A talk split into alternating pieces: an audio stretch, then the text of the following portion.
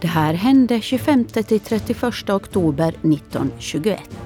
Den 25 oktober rapporterar Åbo Underrättelser i spalten Pressröster att den svenska tidningen Socialdemokraten skriver att Sverige vunnit all den trygghet som är möjlig. Man syftar till beslutet om Ålands neutralisering och demilitarisering och menar att Ålandsbefolkningen för framtiden icke på något sätt kan trakasseras av finsk militär. Den 26 oktober refererar Åbo Underrättelser till den finlandssvenska Svenska Dagbladet som tycker att informationen kring den nya konventionen om Ålands demilitarisering och neutralisering är knapphändig. Svenska Dagbladet anser att man genom beslutet förlitar sig på att alla stater följer konventionen, även Ryssland som inte är med i förbundet. Den ståndpunkt på vilken Sverige ställt sig förutsätter sålunda grund för ett fullt förtroende till en sådan efterlevnad, till en sådan styrka och handlingskraft hos Nationernas förbund, att även den framtida faran för kupper från ett utom förbundet stående Ryssland är neutraliserad. Allt har byggts på denna förutsättning. Att Rysslands underskrift fattas på dokumentet är oroande. Även om Sverige fått sin vilja igenom och skrivit under kan man inte vara lugn. Den stat saknas vars hot var garantins upphov.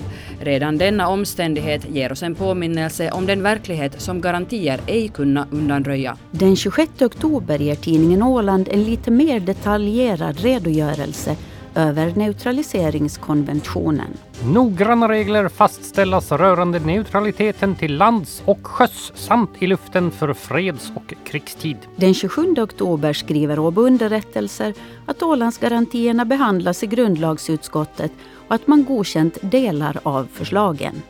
Den 29 oktober skriver Åbo Underrättelser på ledarsidan om hur neutralitetskonventionens text lyder. Skribenten konstaterar att Finland i väsentligt har orsak att vara nöjd med hur utgången blev.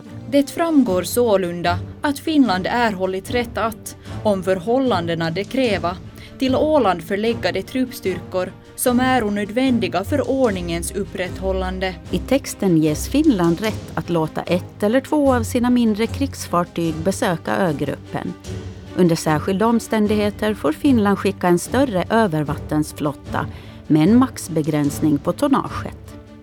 Finland får också vidta åtgärder om något hotar neutraliseringen men alla militära inrättningar och bemanning måste avlägsnas från Åland och får inte återinföras. Texten avslutas med Nu återstår endast Ålandsgarantiernas antagande av riksdagen, vilket antagligen icke skall komma att länge låta vänta på sig. I samma tidning publicerar man alla de tio artiklar som ingår i konventionen. I Sverige är tonen genast vänligare mot Finland efter att konventionen blivit offentlig. Åbo Underrättelser kan rapportera att Stockholms-Tidningen skriver Om vi nu kort härefter får underrättelse om att de lagförslag Finlands regering framlagt för att ställa sig till efterrättelse kravet på särskilda garantier för Ålandsbefolkningen gentemot förfinskningen blivit antagna i sådant skick att de motsvarar härutinnan gjorda utfästelser så skall den aktuella striden mellan Sverige och Finland i Ålandsfrågan därmed vara avslutad. Stockholmstidningen skriver också kan nu Finland överhuvud genom moderation och hänsyn vinna Ålandsbefolkningens förtroende så skall därigenom en viktig förutsättning för vänskapen mellan Sverige och Finland hava skapats. Den 29 oktober har tidningen Åland en hel del skriverier om Ålandsfrågan. På ledarsidan tar man upp den ordstrid som pågått mellan rikssvensk och finlandssvensk press angående benådningen av Julius Sundblom och Carl Björkman. Slutsatsen som skribenten drar är att de finlandssvenska tidningarna har begått de största klavertrampen. Finlands svenskar skola ju vara bindemedlet mellan de båda grannländerna. Ända till banalitet upprepas denna fras. Under Ålandskampanjen har det mången gång förefallit som finlandssvenskarna vore ett av de svåraste hindren för bättre förståelse mellan Sverige och Finland. I samma tidning finns en text ur Helsingfors-tidningen Svenska Dagbladet av Björn Kolinder. Rubriken är Vid det finska nådabordet. Han menar att det endast inom de mest inflytelserika kretsar i Finland fortfarande finns en uppfattning om att fallet Sundblom och Björkman var en inre finländsk angelägenhet. att det finländska rättsväsendet här har tagits i bruk i och för prejudicerandet av en utrikespolitisk tvistefråga. Det står fast även sedan de dömda har blivit befriade från straffet. Det erkännes allt allmännare även i Finland.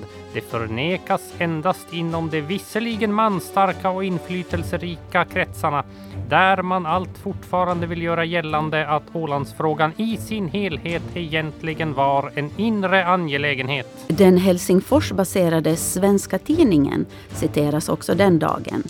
Enligt Ålands skribent sätter Svenska Tidningen fingret på den ömma punkten i schismen mellan Finland och Sverige. Svenska Tidningen menar att Finlands utrikesminister Holsti spelat ett dubbelspel i amnestifrågan. Holsti ska ha förespeglat långt in i oktober att man ska lägga ner processen mot Sundblom och Björkman medan han hela tiden visste att Högsta domstolen gett ett fällande straff redan i slutet av september. Här skulle alltså enligt rikssvensk uppgift föreligga ett fall av det mest flagranta dubbelspel och en otrevlig tvetungad icke så litet enfaldig diplomati från finländsk sida. Den 31 oktober skriver Åbo underrättelser att en islänning besökt Åland. Det är enligt tidningen den första islänning som veterligt satt sin fot på Ålands jord. Det handlar om ingenjör Torvald H. Krabbe, direktör för Islands fyrväsen. Ingenjören var på studiebesök för att beskåda lysapparaten på Lågskärs fyr, en AGA-apparat med en ljusstyrka motsvarande i runda tal tre fjärdedels miljon normalljus. I sällskap med överste Uno Hjelt gjorde direktör K ombord på lotsångaren Valvoja i torsdags ett besök på Lågskär och blev därvid i tillfälle att personligen övertyga sig om den förträffliga lysapparat, den kraftigaste i sitt slag, som det dalenska bolaget tillverkat. Det var allt för den här veckan. Vi hörs igen nästa vecka. Jag heter Nina Smeds.